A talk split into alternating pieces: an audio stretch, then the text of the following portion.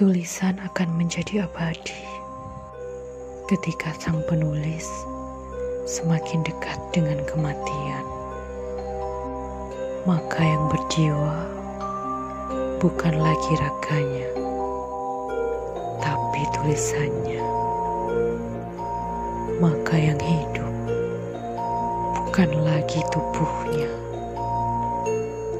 tapi tulisannya. Maka yang tersisa bukan lagi kenangannya, tapi tulisannya.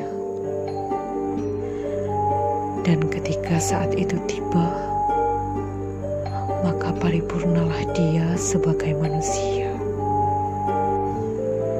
Paripurna jua tulisannya. Tulisan akan menjadi abadi ketika sang penulis semakin dekat dengan kematian. Maka yang berjiwa bukan lagi raganya, tapi tulisannya. Maka yang hidup bukan lagi tubuhnya,